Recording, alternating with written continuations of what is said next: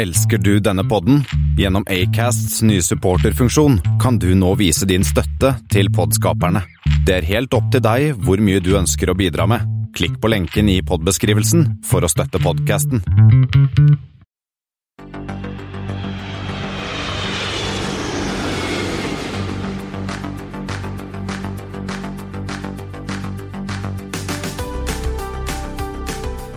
Hei og velkommen til Flypoddens eh, Flight 53, som vi denne uka kalte Raskere enn lyden. Det har blitt 26. Eh, februar, og eh, denne uken feirer vi nok et 50-årsjubileum, og derav tittelen denne gangen. Dessverre er dette en 50-åring som ikke er med oss lenger, men for oss i Flypodden så er det likevel en merkedag. Vi skal snakke litt om Lufthansa i dag. Vi har, eh, kan viderebringe en gladnyhet rundt Iran-flyet. Air France og KLM-gruppen har sluppet 2018-tallene. Og vi må nok dessverre en tur innom konkurshjørnet denne uka også.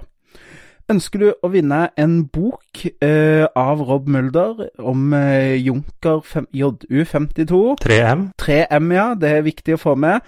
Så kan du gå inn på Facebook og leite opp eh, en post der, så står litt om hvordan du kan vinne den boka.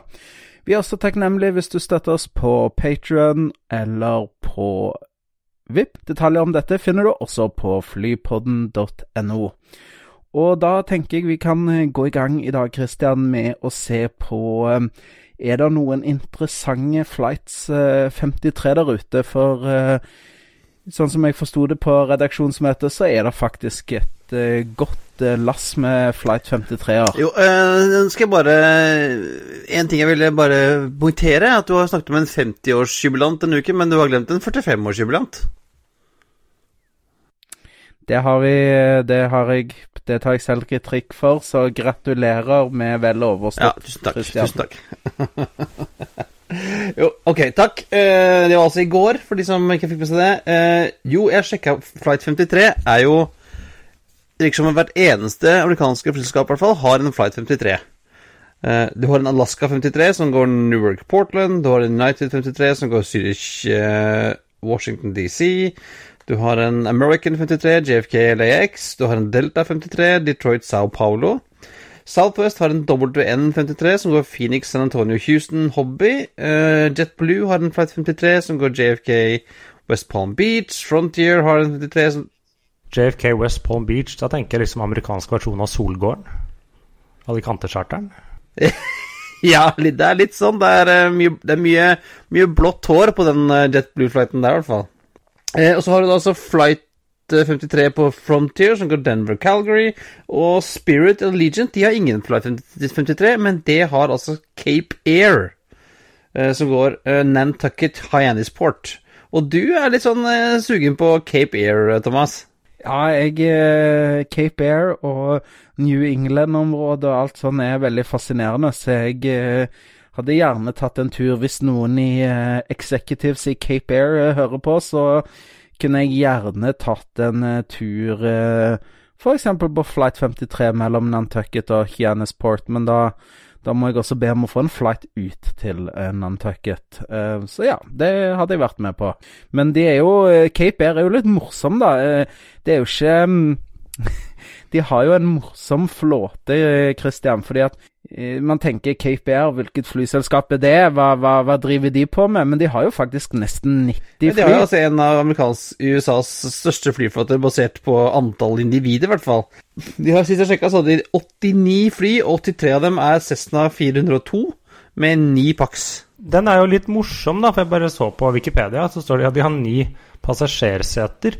Men det niende setet, det er for det ubrukte eh, kopilotsetet. Ja, for de flyr jo bare med én pilot eh, på Cape Air. Uh, og de flyr rundt oppi, oppi Maine og, og rundt oppi der uh, til uh, disse, disse, små øyene, og flyr jo da mye rike amerikanere, vil jeg tro. Det vil nok jeg òg tro. Men vi kan jo veldig kjapt sneie innom Europa òg. Så har du jo Swiss 53, som går mellom Boston og Zürich. Turkish Airlines 53, Tokyo Istanbul. Det er jo litt sånn forskjellig eh, Flight 53 rundt og om i verden. Eh, og eh, det, det var vel rekka, men det var litt morsomt at nesten alle de amerikanske selskapene har altså en Flight 53. Så ne, neste, neste uke blir det alle return, return-flightene, tenker jeg. Alt 54. Ja, vi får se på det. Men vi må videre, og Christian eh, Lufthansa hanker inn en pris. Det var jo den som vi hadde venta på. Altså alle andre priser var vel offentliggjort, bortsett fra hvem som vant Airline of the Air-prisen. Og nå er det offentliggjort, og det ble Lufthansa, ikke? Ja, vi snakket jo om Airline of the Year-prisene, eller Airline Achievement Awards i forrige uke. Eh, og Lufthansa fikk jo da eh, Airline of the Year, den, den mest eh, Ja, den, den gjeveste av alle prisene, vil jeg, vil jeg, si. Og det er jo første gang på 14 år at et europeisk selskap får denne prisen. Jeg, jeg forstår at denne prisen den er jo litt mer enn sånn bare en popularitetskonkurranse, eller liksom man vinner ikke den bare for at man har den beste sandwichen eller beste CT. Eh, jeg forstår sånn at denne handler om litt om skal få den, da, så handler det litt om drift og litt om hvordan selskapet hva skal jeg si, drives og gjør det og sånne ting. Ikke rent sånn popularitetskonkurranse? Nei, det stemmer. Det heter jo The Airline Achievement Award, så det er jo en jury bestående av en del industry insiders og, og, og, og redaksjonelle fra denne, dette Airline Air Transport World, dette magasinet som har vært i ja, 50 år, eller hva det er for noe. Um, så disse som, som går her, går jo som sagt de ser på strategien, hvilke valg har selskapet gjort. Uh, SAS vant denne prisen back in the, in the day under Janne Carlsson, hvor selskapet hadde snudd uh, fra liksom, å være et konkurstruet uh, statlig organ til å bli et kommersielt godt selskap. Og det, Lufthansa får jo den prisen bl.a. fordi at de har jo gjort veldig mye, mye, godt i et vanskelig marked. Tyskland er jo kanskje det vanskeligste markedet i Europa akkurat nå, med enorm overkapasitet. Uh, Allikevel så har de sånn uh, fraktet rekordmange passasjerer. 142 millioner uh, passasjerer som inn i gruppen. Men de er jo i ferd med å få monopol i Tyskland? Ja, altså det ene etter det andre Ja, jeg vil ikke si det. EasyJet og Ryanair holder jo en, eh, en god chunk av markedet, da, men eh, Lufthansa har liksom eh, gjort mye på å bedre passenger experience. De har jo gjort designendring.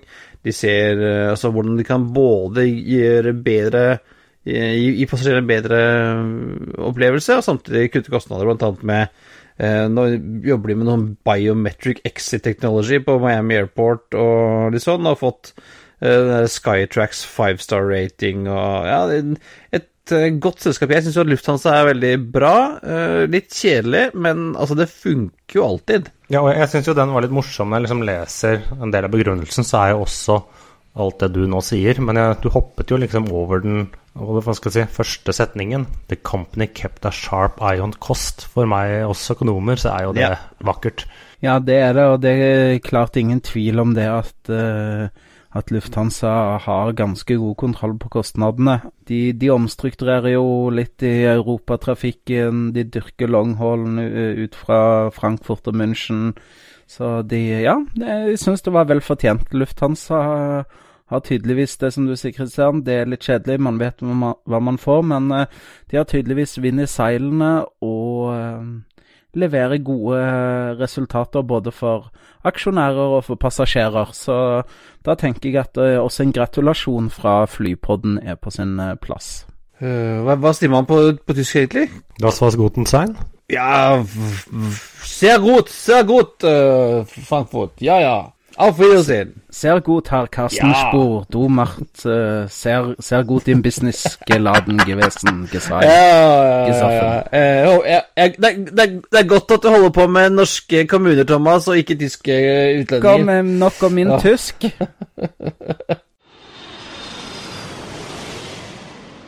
Men før ting sklir helt ut her, så uh, syns jeg at Espen uh, kan si noen par ord om uh, 2018-resultatene til Avinor. For de har jo også sust inn, og ja, man kan vel si at de, de tjener fortsatt gode penger, Avinor? Ja, de tjener jo faktisk bedre penger eh, enn i fjor, for de presenterte et årsresultat på en drøy milliard kroner etter skatt. Eh, og det er jo eh, litt mer enn en dobling fra 2017. Og det året, 2017, da, den var jo bl.a. preget av en del høye engangskostnader. Men samtidig har de også, de sier de har fått redusert de underliggende driftskostnadene og en fin inntektsvekst. Og Avinor fikk jo, jeg vet ikke om det var basert på 2017-tallet, men bl.a. Riksrevisjonen har jo vært ute med pekefingeren og sagt at Avinor kanskje ikke er flink nok på kostnadskontroll og flink nok til hvordan de bruker penger. Og har kanskje med rette fått litt sånn kritikk der, at ikke alt har vært helt som det bør være. Kanskje de eh, gikk på kurs hos eh, Lufthansa i fjor, som gjorde at de har fått schwung på sakene? Ja, for det, du ser jo også at de, de sier jo at, at lufthavnvirksomheten gjør en god inntektsvekst nå. Den har drevet av både økt trafikkvolum og økt salgs- og leieinntekter per passasjer. Eh, men samtidig, altså selve trafikkinntektene eh, vokser med bare 1,3% og det er faktisk minus 1,5 per passasjer. Sånn at det tyder jo kanskje på at de forsøker å liksom kutte litt også kostnader for å gjøre det billigere for flyselskapene. Sånn at det ikke bare liksom blir eh, økte kostnader for dem, og at man har litt sånn fokus på at kanskje få ned prisen. Ja, jeg syns jo det er imponerende da med tanke på at du har eh, det overskuddet på over en milliard kroner, eh, er jo da inkludert en fem-seks lufthavner, eh, fem-seks-syv lufthavner som tjener greit med penger.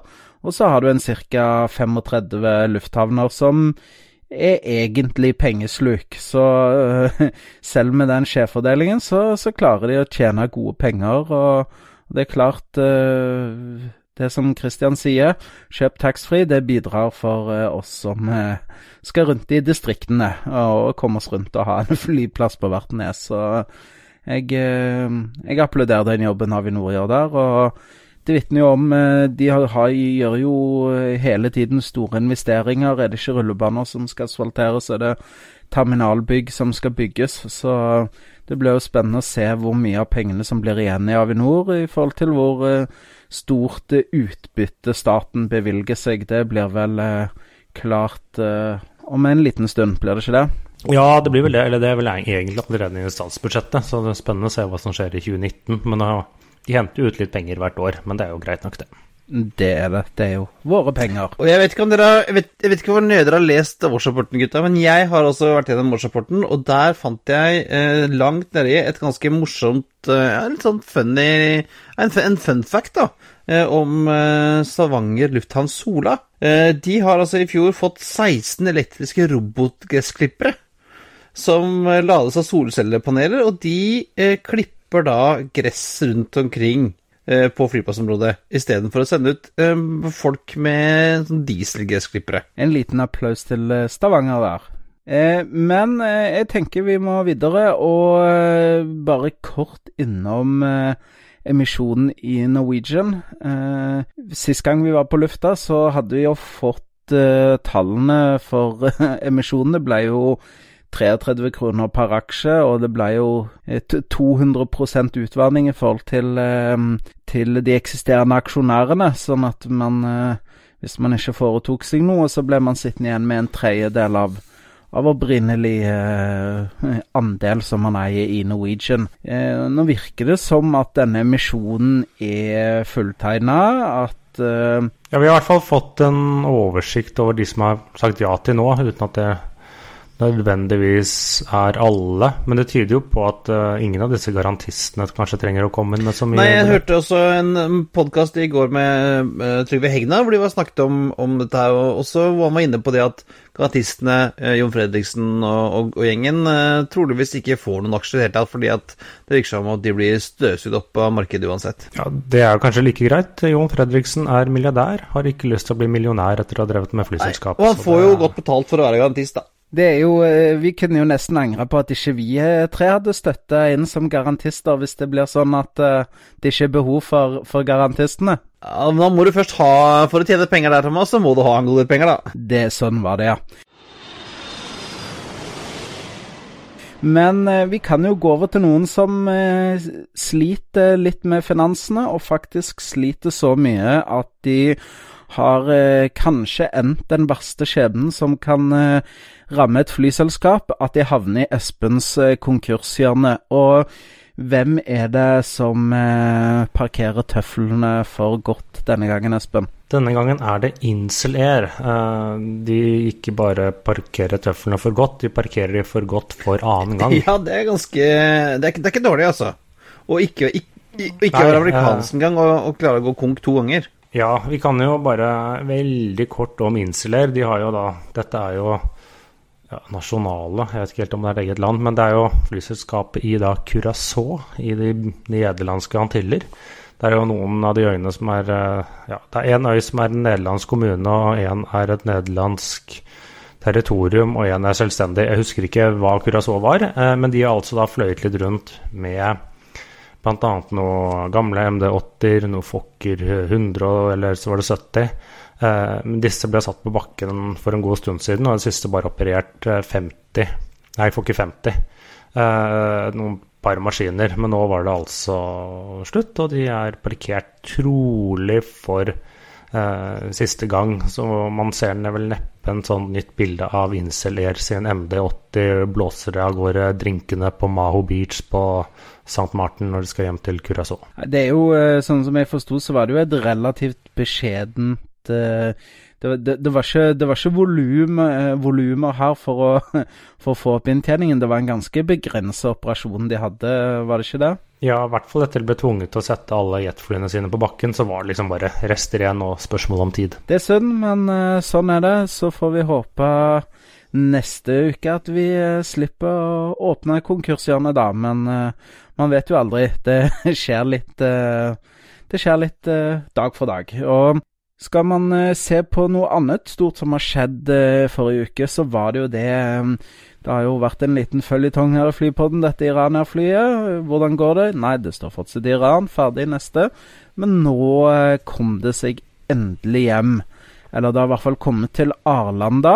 Nei, det nye nå i dag er at det har eh, I kveld så ble det eh, fløyet tomt fra Arlanda til Oslo. Og nå skal det være satt opp på en flight fra Oslo til Las Palmas i morgen. Oi, det er jo nesten, eh, nesten en sånn flight man burde ha vært med på. Det er jo en sånn eh, Nesten en sånn first Det flight. er et godt stykke fra Shiraz til eh, Las Palmas. Ja da, og nå har jo flyet fått i hvert fall én ny motor, for det var jo det som uh, måtte, måtte gjøres. Så jeg har sett bilde av en sånn Illusion 76 som uh, kom flyvende med da en uh, CFM Leap-motor som de da fikk uh, klaska på, på flyet der nede.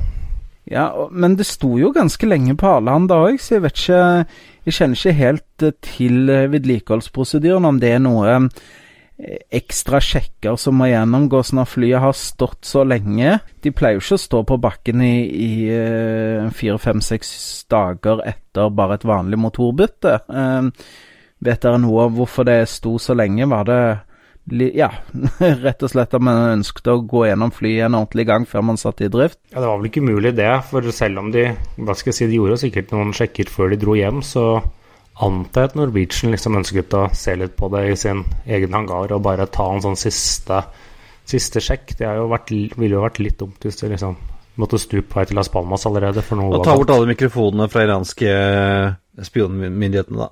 Ja, det kan jo også være, men eh, jeg tenker det, dette må jo ha kosta altså Norwegian mye penger. Jeg må si her syns jeg synd på Norwegian. De gjør på en måte alt riktig. Eh, tenker sikkerhet først, eh, lande første mulighet. Eh, eh, det som bekymrer meg litt i dette her, da, er jo det at eh, kanskje det blir litt eh, Det går jo mye trafikk over Iran. Det er jo hvis man ser på flightradar, så er det jo rene motorveien over Iran eh, og mot Europa og, og ned mot Sydøst-Asia f.eks. At, eh, at man, eh, man som kaptein eh, f.eks. hvis det oppstår noe, kvier seg for å gå ned i Iran. Eh, det tenker jeg jo kan være en litt betenkelig utvikling, for det har jo alltid vært et sånn prinsipp om um, innenfor luftfarten at uh, er man i nød Det er litt sånn i skipsfarten så er man i nød. Da er litt sånn eh, hvilket land og hvem som er venner med hvem, det er litt underordna. Så lenge man klarer å redde mannskap og, og passasjerer, så er det det viktigste. Så Jo, men det, det, det, var jo det som skjedde her. Hadde ikke vært for at uh, man sliter litt med han, uh, han med sleiken borti Washington, så hadde jo dette hadde ikke det vært på deal? Nei, men, men det... For iranerne tok jo disse imot. Ja, ja, men problemet er jo altså, jeg, vil, jeg vil tro at, øh, at det kommer å, man kommer til å tenke litt på det hvis man må gå ned i det området. At øh, ja, kanskje jeg skal legge inn 20 minutter øh, komme, til for å komme til Kuwait eller Bahrain. Fordi at det er jo ja, Det er jo ikke uproblematisk å gå ned i Iran, tydeligvis, om dagen. Nei, men he hele de områdene de flyr over der, er jo et Det er jo flere land det er litt sånn ikke ideelt sett å gå ned i. Man så det under uh, Ja, det er mange fly som flyr over Afghanistan, bl.a. Uh, man kan jo si mye om sikkerhetssituasjonen der nå, men de fløy jo fremdeles over Afghanistan når det var Taliban som styrte og, og slikt. Så det er jo en del av, det er jo en del av businessen. Det er klart, når man flyr over geopolitiske kruttønner, så kan det jo alltid, alltid skje noe. Så Nei, men vi får håpe at, uh, at de som flyr over Iran, uh, ikke at de tenker på sikkerhet og ikke tenker på convenience. Og vi får håpe at uh, det er noen som har tatt lærdom av dette her, at, uh, at disse tingene løser seg fortere hvis det, hvis det skjer noe igjen. Men uh, som sagt, Norwegian var nok maks uflaks med Der burde jeg nesten slått på glasset. Maks uflaks med, med timingen her i forhold til government shutdown i USA og til Donald og alt mulig.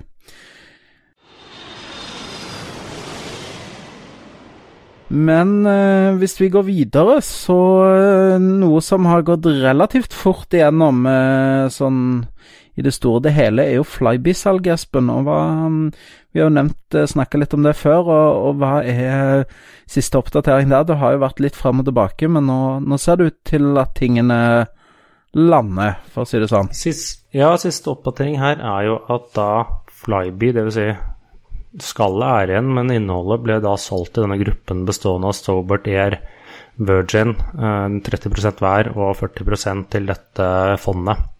Eh, salget da skal være gjennomført. Eh, jeg er ikke helt sikker på om siste ord er sagt her, men trolig. Og det var, kom jo en budgiver i siste liten, bl.a. ledet av dette Mesa Airlines i USA og et par andre ja, finansfond her og der eh, som også ønsket å kjøpe det. Egentlig for en høyere sum, men de sa at dere er for sent ute. Jeg har ikke tid til det. Og for denne nye gruppen, liksom denne er det Connect Airlines eller Airways de skulle kalle seg, Connect Airways, ja. ja har jo allerede gitt dem kreditt og lånt dem penger og liksom for å holde dem i drift. Og jeg ser jo også nå, eh, jeg antar det er for økt feed, eh, ikke spør meg helt hvordan de har fått slått ned, men da det som nå heter Flyby, men som mest sannsynlig skal brandes som Virgin, har jo nå åpnet opp eller annonsert rute av flere sånne ruter med Q400 til Heathrow. Blant annet fra var det Guernsey og en eller annen um, øy. Så det, de har jo liksom allerede uh, tilsynelatende kommet i gang med samarbeidet. Og så får man se hva endelig sånn branding blir. Q400 på Heathrow, det, det, da tenker jeg å skyte spurv med kanon. eller kanon med spurv. Det, det er det morsomt. Men har du sett noe, noe, bekreftelse på det, at det med rebrandingen, Espen? For jeg så det i dansk uh, travel, om det var Standby eller hvem det var, men jeg har ikke klart å finne det noe annet sted. At, at, uh, at det var sånn bestemt at nå skulle hete Virgin. Nei, det er, det er liksom det jeg sier. Jeg sier at det skal trolig bli en rebranding. At det skal fly under Virgin. Men det er liksom ikke helt bekreftet, så det er liksom litt sånn vi må, vi må vente og se. Eh, men noe vi, ikke, noe vi også venter på, er jo den neste Heritage-jeten fra BA. Eh, vi snakket jo om denne BOAC, eh, det er sånn det skal sies, visstnok. Ikke BOAC, som vi sa. Eh, denne første 747-en i disse BOAC-fargene som ble lansert forrige uke. Um, og neste er da uh, British European BEA-designer fra sent 50-tall, som kommer på en A319. Og det er jo litt morsomt at uh, alle de tre andre er jo på 747-400, som skal ut av flåten innen 2024, mens denne her er på en A319. Som også vel ikke blir i flåten TV-tid. Nei, men jeg vil tro litt lenger, lenger enn til 2024. Og, og, vi snakket jo litt om dette her i vårt redaksjonsmøte på helgen, eh, at det er jo litt supernerdy at uh, denne BEA-fargeskjemaet uh, er på en A319 som flyter i Europa, mens alle de andre er på 747-er. Og det kan det være fordi at uh, det aldri har vært en 747 i BEA-farger, mens det har vært 747 i, i de tre andre designene. I don't know. Ja, og det er i hvert fall, med denne BA-maskinen så er det jo liksom riktig at Boaken den skal bare fly langt, og denne BA-en skal bare fly inn i Europa, som de gjorde, gjorde når de faktisk holdt på. Så sånn sett er det jo Én ting er at de kanskje har, har, truffet ganske bra på det historisk riktige bemalingen av flyene, men de klarer å liksom bruke dem på de riktige ruter òg. Ja, ja, gøy. De to neste er jo nå også er jo nå sluppet også. de to neste blir jo 747-400, de også. Den ene i denne Negus and Negus-designet, som uh, var det første BA-designet som kom i 74. Uh, og så kommer denne andre Lander-designet som kom i ja, en gang ut på 80-tallet, som, har, som kanskje er den mest eh, elegante, Thomas. Den liker du? Det gjør jeg, det gjør jeg absolutt. Mørkt blått og grått og sånn. Men jeg syns jo den der Negus og Negus-designen er ganske, ganske stilig, det også, med, med lignende på Lander, men med hvit overkropp og, og rød halefinne, da. Jeg, jeg, jeg, er litt usikker på Negus og Negus. Jeg får se, da, for det har ikke vært malt en 747-400 av den før. Men jeg, jeg, jeg syns den er litt sånn Den er litt for meg, da, så virker den litt sånn Den er 70-talls. Den er litt stygg. Eh, jeg må få lov til å si det. Mens ja, styggfin. Men den er styggfin. Ja, Landoren er Det som er da med Landor, den hadde ikke funket i dag, men den er veldig 80-talls. Den er liksom Business Airlines. Den er Margaret Thatcher, den er dresskoffert, den er liksom London Stock Exchange. Eh, jeg liker litt den. Kunne ikke brukt den i dag, men jeg bare syns den har en oser en litt sånn klassisk eh, ja, klassisk framtoning. Og det morsomme er jo at dette flyet som skal ha denne Lander-designen, ble jo levert med Lander-design back in the day, faktisk. Det er litt eh, gøy. Og vi har jo et fly vi skal snakke om seinere, som også har eh, flydd i Lander-fargeskjema. Og det må jeg jo si Ja, Litt modifisert, ikke den samme? Nei, det var ikke helt modifisert, men, eh, men halen var jo lik, og den syns jeg er kul, da. Ja. Eh, og så var det litt, en litt strammere linje på den maskinen vi skal snakke om litt senere. Ja, ja.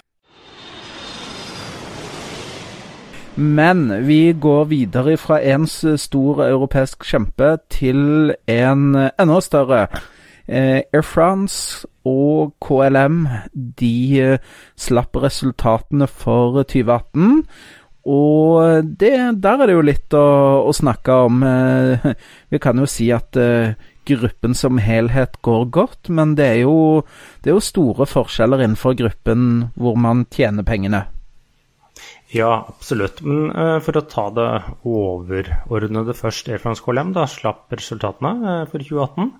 Uh, Selskapets driftsresultat faller riktignok 30% til 1,3 milliarder euro, som er jo Det er penger, det òg.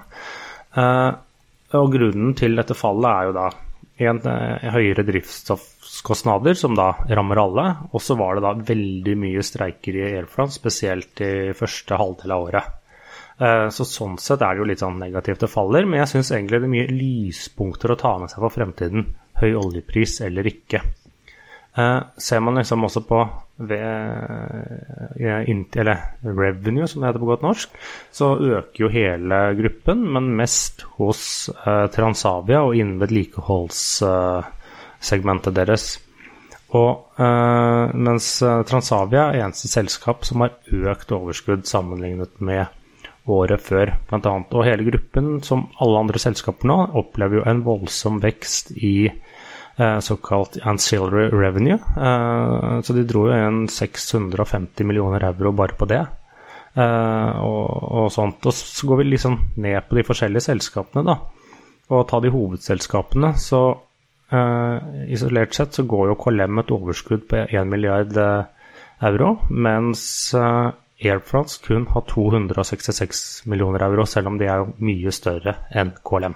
Det er en god drevet butikk, altså, i Nederland der, da. Med Jeg holdt på å si lillebroren av de to, men leverer et overskudd som er ja, nesten fire ganger større enn det storebror kan eh, prestere. Så her må jeg ta ta meg hatten for KLM.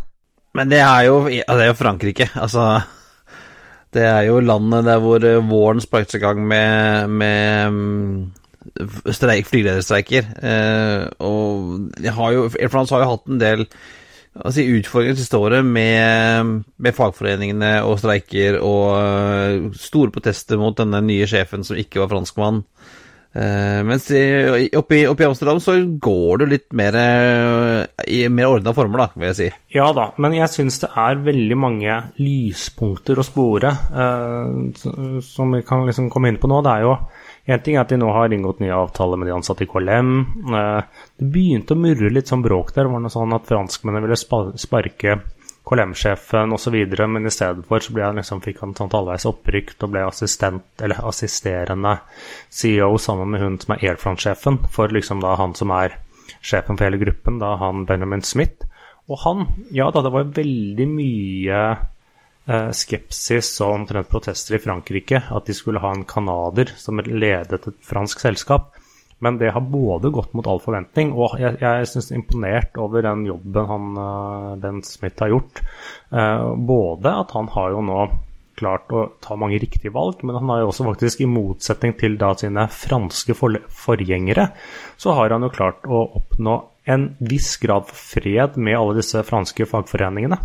Inkludert flere av de mest militante, og har nå liksom kommet fram til nye arbeidsavtaler med dem, og bare det er jo imponerende. Jeg syns det er så herlig at du har militante fagforeninger, altså satt på spissen, men eh, det er ikke bare å bare drive storbutikk i Frankrike, altså. Det er Nei, de har liksom denne de, Det er liksom ja, Om det er kulturelt eller hvordan det har blitt, men de har en sånn konflikt ja, Et høyere konfliktnivå enn hva vi er vant til her. Eh, her hjemme. Det var jo han, han Air France-sjefen for et par år siden som liksom havnet midt inne i en protest, og når han kom ut igjen, så hadde han jo fått revet av seg skjorta og løp av gårde. Eh, si jo seg selv. Funker jo ikke. Ja, men, men jeg skjønner jeg, jeg, vet jo hva dette her er. Altså, dette frank, fr, fr, Franskmenn de har jo revolusjon i blodet. Det er jo det de har vært gode på opp gjennom historien, er jo uh, å organisere revolusjoner og uh, ja, reise seg mot makta og frihet, likhet og brorskap. Det, det, tror jeg står sterkt i den franske um, folkesjela. Ja da, men samtidig så er jo et land ganske gjennomsyret av forskjeller. Men nok om de, eh, både franskmenn og de, men da han, eh, Benjamin Smith, har også gjort mye riktig. Han forenkler Air France, for det har jo vært litt sånn kanskje litt komplisert selskapsstruktur, og jeg føler at mange forgjengerne hans har gjort mye rart. Uh, så det liksom første han gjør nå, er jo da, som da har blitt liksom Dette har jo vi snakket om litt før, men det har endelig ikke blitt offisielt bekreftet liksom før nå, er jo på en måte at dette Jon legges ned. Ja, bye bye to the millennials. Ja, det var liksom sånn Hva slags forsøk var det? Jo, det var for å forsøke å spare penger, men det ble liksom ble gjort Jeg tror de klarte å gjøre stort sett alt feil, så blir man kvitt eh, kvitt den, og de blir malt om til Air France. Og kanskje en del av disse interkontinentale strekningene som Jon fløy. De fløy om en litt mer sånn low yield-konfigurasjon på flyene. Det, kan, det vil Air France fly selv. For det, er liksom, det sier seg selv at du trenger kanskje en litt annen konfigurasjon på flyet som skal til JFK, kontra en som skal til uh, ja, finne en eller annen eh, low yield Bangkok, f.eks. Sånn at man liksom da har en Heller bare har det innenfor samme merkenavn, istedenfor liksom å ha et eget merkenavn for deler av butikken. Og det er jo sånn som Lufthansa har gjort lenge. De har jo noen ruter har de operert med masse business og fly med første klasse, men har du flydd til litt mer low yield-destinasjoner, som f.eks. Bangkok, så har du jo bare flydd med en sånn relativt medium size business og masse økonomi, så klasse, så ja, de, de, har vel sett litt til Tyskland og sett hva de har gjort, og hvordan de disponerer flåtene der, og at det fungerer bra. Så jeg er enig med deg, Espen. Jeg, tror det er greit å bare legge ned Jon. Det er, det er bare masse ekstra surr for ting som man enkelt kunne ha løst uh, innenfor husets fire vegger, tenker jeg, med litt god flåteplanlegging og, og litt ja, god planlegging, rett og slett. Ja, og så i tillegg til det så forsvinner også dette hopp som eget merkenavn. Det vil si I dag så flyr jo de liksom på eget initiativ. Noe flyr de for Air France, noe flyr de for seg selv. Eh, eh, men det er liksom et eget merkenavn innen konsernet. Men det vil legges inn under Air France, akkurat som i dag du har dette KLM Cityhopper som flyr Embraerne til KLM. Så vil du da ha liksom hopp, eller liksom Air France hopp. Eh, Sånn at det blir mer en sånn regional, internt regionalselskap istedenfor en sånn forsøk å være, være alt. Og så I tillegg skal de da forenkle flåtestrukturen til hopp, at de eiermaskinene skal ut. De skal liksom putte litt samme type fly på samme base, blant annet, som uh, Ja. Det høres jo fornuftig ut. Ja, smart. Men hva da med Transavia, Espen? Er det noe Kommer det fram noe om framtiden der? For de, de, er jo på frammarsj, De leverer jo gode tall. Ja, de leverer gode tall og er noe som skal satses på. Så dette blir jo liksom Hvis vi også sammenligner litt med, med da Lufthansa et godt eksempel, hvor de da kjører fra Eurowings til litt sånn point-to-point-trafikk innen Europa. Uh, du har jo da ja, IAG-gruppen kjører det samme med Veling. Så denne, jeg vil si at eh, Transavia har tydeligvis framtiden foran seg, basert på denne rapporten. Og de er, som sagt, de er jo de som eh, forbedret resultatene sine i gruppen, og gjør det tilsynelatende ganske bra. Eh, jeg, kjenner jo ikke så veldig godt de har aldri prøvd dem, og de har liksom litt sånn fjerne for vår del av gruppen. De består jo også på en nederlandsk og en fransk del, men jeg føler kanskje de har liksom klart å rendyrke seg litt uh, i de senere årene. Jeg, jeg, jeg, har faktisk fløyet i for et par år siden fra Amsterdam til, til Lanzarote. Det var jo det var, det var, som å fly norsk charter, egentlig, det, altså. Veldig, veldig grønt. Hva er det med det, Christian, å fly litt sånn ukonvensjonelt når du skal nedover til Syden? Er det ikke Monarchs, er det Transavia? ja? Nei, men altså, vi har, Familien har hytte, hytteplass Lanzarote, og det er jo det stedet i Europa det er vanskeligst å komme seg til fra Norge, tror jeg. Eh, det går jo direktefly på vinteren. Uh, Tui, nei, jo, Tui har et, og Apollo har et, og Norwegian har et. Men utenfor liksom, vintersesongen, når det er best å være der, så er det jo ikke noe fly. Så da må man tråkle seg gjennom Europa. Jeg har fløyet eh, Air Berlin via Berlin. Vi har da fløyet Monarch fra Manchester. Vi har fløyet via Amsterdam. Uh, og mye også inn til Las Palmas og så videre med Bintra. Så det har vært, uh, det har vært mange, mange, interessante ruter. Sist så sjekka jeg på en rute via Zürich med overnatting, og det, det var ingen som ville være med på. Da satt konemor ned foten. ja, og sto, og, og sto, på den. Men ja, Og Brussel har jeg fløyet mye Ja, yes, men uh, alle veier fører til Rom. Nå skal vi eh, bevege oss over til ukens tema, og det temaet eh, berører oss jo alle tre. Og jeg, jeg tror det er, Bortsett fra 747-en som vi snakket om her tidligere, så er det vel sjelden at man har et sånn et ikon innenfor luftfarten. og Kristian, hva er det vi skal snakke om i dag? Vi skal Vi var jo innom 50-årsjubileet til Boeing 747 for en stund siden, og nå, nå på Når ble det? På søndag? Lørdag? 2. Eh, mars eh, så var det da 50 år siden Concorde eh, tok de vingene for første gang. Til de smekre deltavingene. Og det er jo altså, Hvis du ser en Concorde, altså, ser en Concorde parkert ved siden av en 737, så vil jo alle som ikke kan bedre, tippe at Concorden er det nyeste, mest moderne flyet. Det er det jo ikke. Dette er jo et fly som ble designet på 60-tallet. Uh, fløy første gang i 1969 og satt i drift i 73 eller noe sånt. Og, og tatt ut av drift igjen da i 2003. Uh, eh, jeg har prøvd å lese meg opp litt i helgen, og det er jo et, et som vi, som var inne på også når, når vi snakket om 747, så var det jo alle trodde jo at supersonisk og overlydsfly var det som skulle liksom bli uh, standard da, fra, fra tidlig 70-tall utover, men det ble det jo ikke. Det var jo mange selskaper som hadde bestilt Concorde. Uh, American Airlines hadde bestilt den, Panam hadde bestilt den, TDB hadde bestilt den, Iran Air hadde bestilt Altså mange selskaper, Alitalia, uh, Air France, Airways, alle hadde bestilt Concorde. Jeg tror SAS var en av de få som ikke hadde bestilt den. men bortsett fra Air France og KLM Air France og KLM, sier jeg, sorry.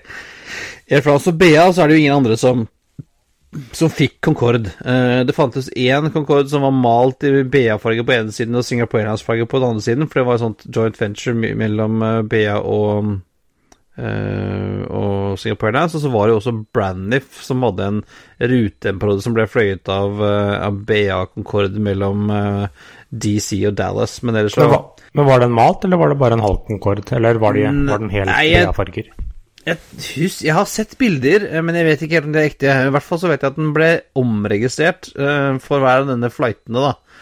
Uh, og så ble, ble, den jo brukt av um, uh, ble det jo Braniff cabin crew på denne flighten fra, fra DC til Dallas, som da var fløyet i subsonisk. Faktisk, Den fløy ikke overlydsfart, fordi at det er jo ikke lov å fly overlydsfly over land. Det er jo det som måtte var det som stoppet mye Concorden, da, eh, var jo at den kunne ingen land som tillot den å fly over land, fordi at når du bryter lydmuren, så kommer det et, et veldig smell, eh, som jo rister hus og kan krysse ruter og sånn, som gjør at Concorde bare fikk lov til å fly overlydsfart over vann, og da var det jo egentlig bare over Atlanteren, fordi at den hadde jo ikke rekkevidde til å fly over Stillehavet. Eh, og det var jo med på å begrense bruksområdet. Altså, det ble vel bygget totalt 20, og 14 ble jo satt i drift i 7 hver for Air France og, og British Airways. Eh, og fløy eh, rutetrafikk mellom Paris og New York, og mellom London og, og New York og London og Washington. Eh, Produdet så fløy den jo også London, Washington, Miami. Eh, og fløy Washington-Miami på 1 time og 20 minutter istedenfor de 2 12 timene eh, som er vanlig flight. Eh, og da dro Men Ble den ikke brukt i Barbados òg, eller var det en annen øy? Eh, husker jeg ikke. Eh, fly også masse charter. Fordi at de hadde jo ikke de, Både Air France og, og British Airways hadde jo sju maskiner. Det var, holdt, altså det var mer nok for å fly denne ene eller to dager Nå til to daglige til New York, så hadde de jo masse chartergreier også. Cunard, eksempel, cruiselinjer, flyr jo mye sånne kombinasjoner av cruise og Concorde, eksempel. Ja, jeg eh, landa jo faktisk på Sola en gang, jeg, da jeg var liten.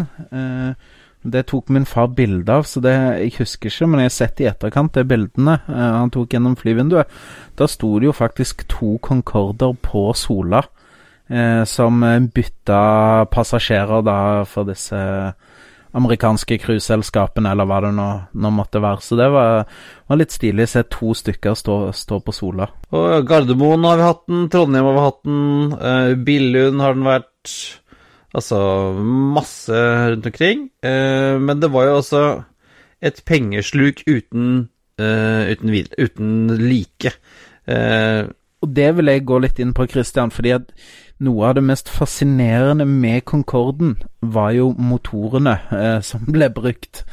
Eh, med det fancy navnet Rolls-Royce Snekma Olympus 5 Olympus, oi, oi.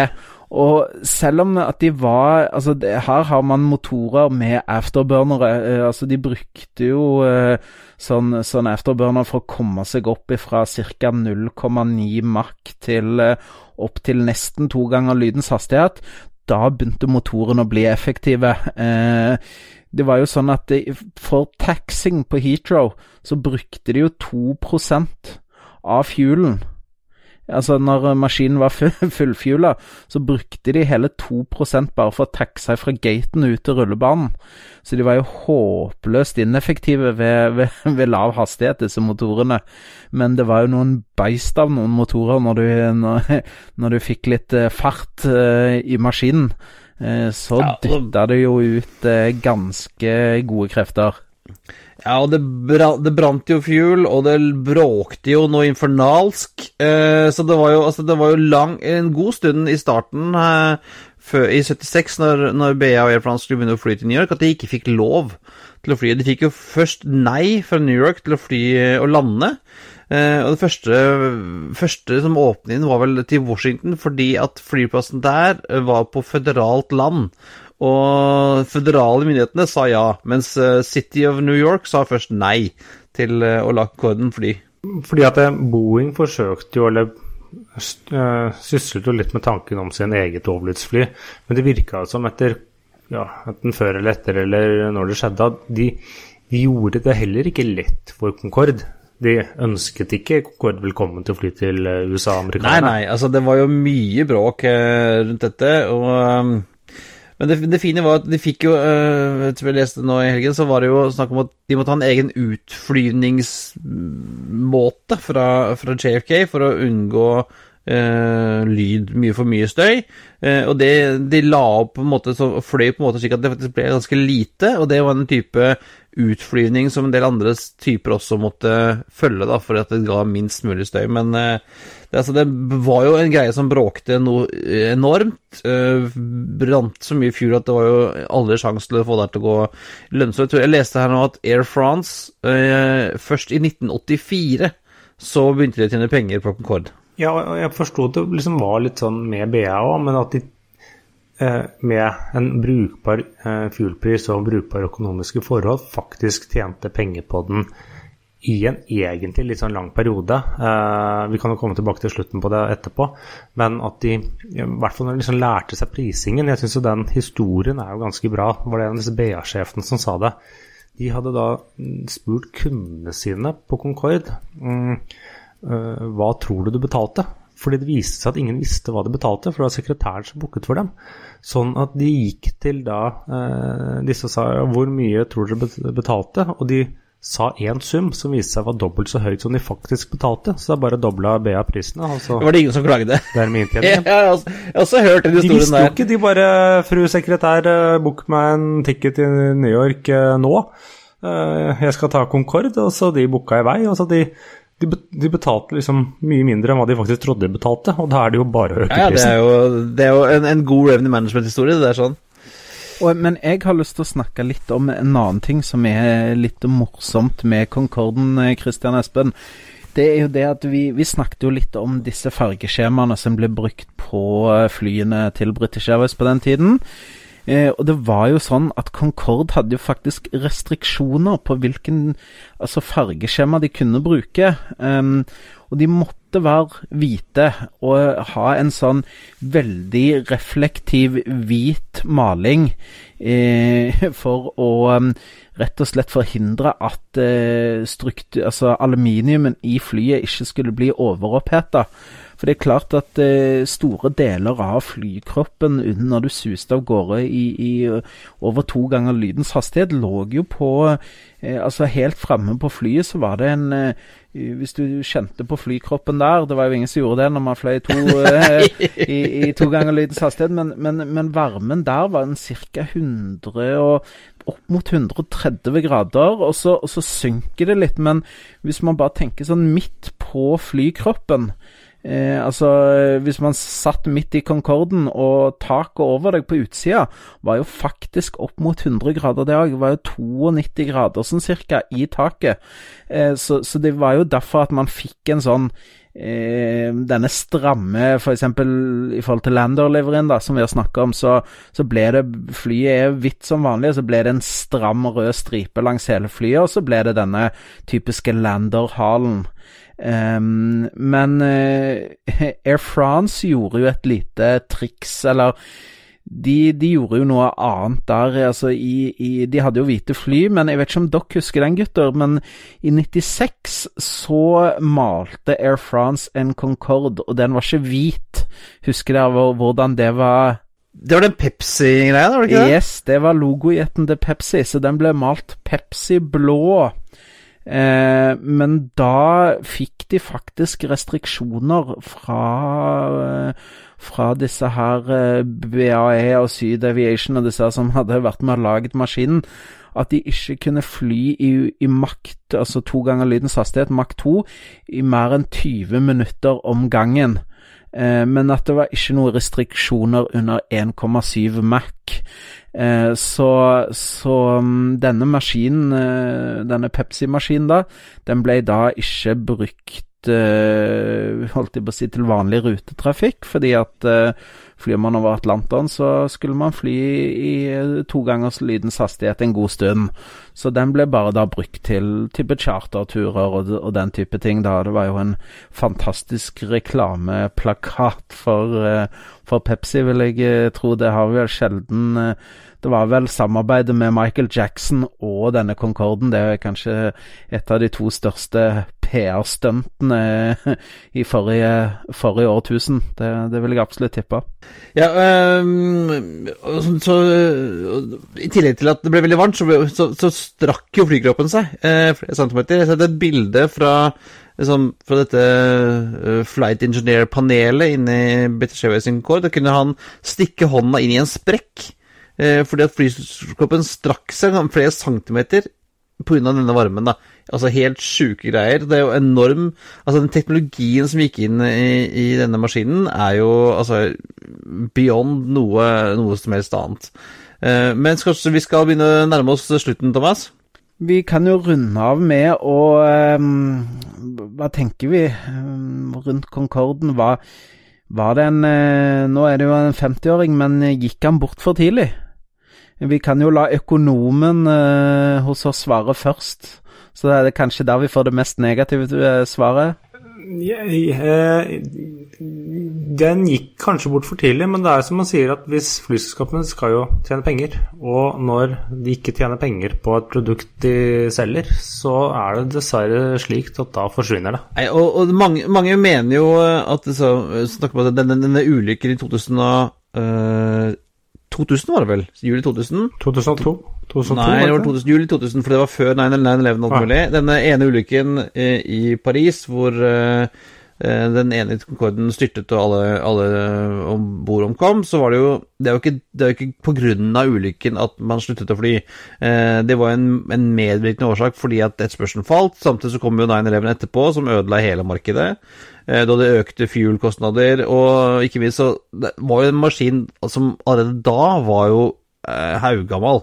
Ikke sant? Den var, den det er jo litt sånn veteran, veteranbiler. Skal du bruke en veteranbil daglig, så må du sitte og skru konstant. Det er jo, den ser jo ny og Det ser jo futuristisk ut, men det er jo altså uh, fra samme tidsepoke som DC9, liksom. Uh, og det hadde jo, hadde jo det eneste flyet i BA-flåten og Air France-flåten med tre mann i cockpit. Det var jo uh, to piloter og en flight engineer.